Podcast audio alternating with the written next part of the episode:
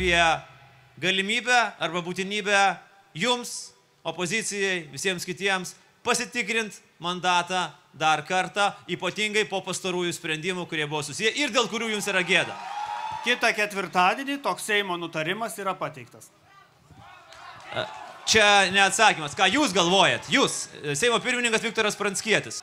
Aš galvoju, kad jeigu Seimui užteks valios pasileisti, tai jis ir pasileis. O jūs pats Ne. pritarėt ar ne? Šiam momentui. Yra taip ar ne? Yra labai paprastas dalykas. Pirmininkė, taip ar ne? Pritarsiu pateikimui. Sveiki, žiūrite specialią Laisvės televizijos laidą iš parlamento. Šiandien Seimas balsavo dėl apkaltos procedūros pradėjimo Artūrui Skardžiai ir dėl pirmalaikių rinkimų. Konservatorių lyderis sakė, kad jų reikia, nes valdančiųjų koalicija neieško kompromisų. Seimas yra paskendęs dabar ginčių, nesutarimų dobėje, iš kurios išlipti galima tik tai ieškant kompromiso arba gražinant mandatą žmonėm ir paprašant jo iš naujo. Ir aš tikiuosi, kad jūs tą žinią išgirdot. Ir kad mes galėsime atrasti kelią pirmin, ieškodami ir kompromiso kitose balsavimuose, tiek dėl Artūro Skardžiaus, tiek dėl vyriausios rinkimų komisijos ir kitose problemuose, kurias mes keliame kaip visuomenės atstovai, kurią atstovaujame. Aš neklausinėsiu jūsų, nes jūs dažnai įsižeidžiat vis. Tai aš prašyčiau savo klausimais, kad jūs neįsižeistumėt. Mes to mokėmės TSPMI. Tai jūsų išradimas, politinis buldozeris. Ši valdančioji dauguma, tiksliau, val- valdančioji dauguma yra nepaprastai palanki opozicijai. Suteikia jums progą kalbėti. Suteikia progą kalbėti. Progą kalbėti daug. ir Suteikia daug. progą kalbėti. Gerai, gerai. Galit kabinėtis. Palaikau jūsų iniciatyvą, tad galėtume mes visuomeniai atsakyti, o nedarydami čia politikos.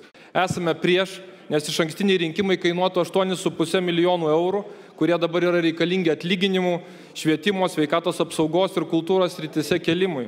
Po pateikimo nepritarta. Ar turime apsispręsti, ar gražinam tobulinti, ar atmetame? Iš tikrųjų buvo pakankamai jokinga, nes, e, sakau, tas demagogijos ir, ir arogancijos, reiškia, štilis, tai yra ne štilis, štilis visai nėra, bet čia uraganas tiesiog buvo. Tai e, jisai be abejonių mus vertė šipsuotis, juoktis, nes iš tikrųjų argumentų jokių iš viso. Apart kaltinimų, kažkokių tai kvailų pasisakymų. Tai aš ir tada sakiau, kad tai yra populizmas, kad tikrai nepasieksime jokio rezultato. Siūlymas rengti pirmalaikius Seimo rinkimus buvo atmestas valdančiosios daugumos balsais. Užbalsavo tik keturi valstiečiai, tarp jų Seimo pirmininkas. Jau nebegėta po šito balsavimo. E, Jūs paklauskite iš naujo ir nebandydama suformuluoti, kad man gėda. Jums dabar jau, e, kaip čia sakyti, gera ir negėda Va, man, vadovauti man Seimui? dabar gera už tuos sprendimus, kurie priimami daugumos balsų veiklą. Už Gretą. Čia jūsų vardas? Ar man gėda dėl kildišienės? Aš čia ir atėjau dėl to, kad man irgi gėda. Man tikrai gėda vadovauti, būti to Seimo pirmininku. Jau kokius aštuonis kartus aš tą pasakiau žodį, jūs pakartojate šešis kartus. Dar porą kartų. Gėda! Gėda! Apkaltos procedūrą Artūrui Skardžiui inicijavo taip pat opozicija. Jo veiklos tyrimo komisijai vadovavęs Vitalijus Gailius. Seimo nario Artūros Skardžiaus veiksmai patvirtina jo tiesioginį, testinį ir asmeninį suinteresuotumą atsinaujančios elektros energijos gamybos reguliavimu.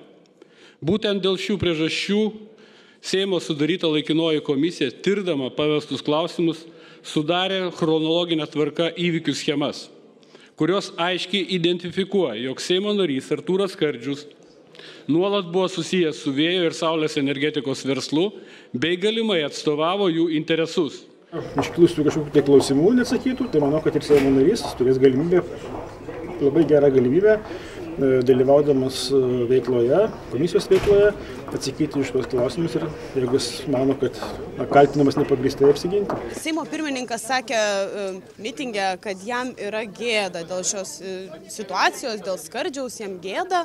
O, o jum, o jum ar gėda dėl skardžiaus? Tai vėlgi klausimas yra labai sunku vertinti, dėl ko buvo Seimo pirmininko gėda, nes gėda, e, reiškia, kažkaip tai nebuvo iki galo apibriešta. Bet e, grįžtant prie, grįžtant prie jūsų klausimo, tai aš manau, kad e, sprendimas dėl skerdžiaus priklausys nuo to, ar yra pažįsta konstitucija. Kitokio atveju nei vienas Seimo narys, jeigu jisai pats nesitraukia iš Seimo dėl kokios priežasties, jisai negali būti Seimo pašalintas. Bet jums asmeniškai nėra gėda, kad jis... Man asmeniškai yra labiau gėda, kad Landsbergis Gabrielius yra Seime negu Skardžius, bet čia mano asmeninė nuomonė. Aš neturiu tokių įgaliojimų šiandien jums pasakyti, kad Skardžius nebedirbs Seime. Yra jūs proces, procedūra. Žinokit, aš nesu. Uh,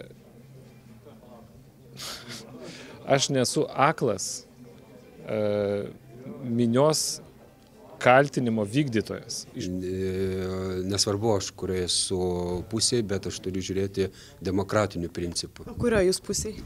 Aš demokratijos principų esu e, pusėje. Nu, dėl skardžiaus klausimų. Taip, kad būtų jam komisija, be abejo.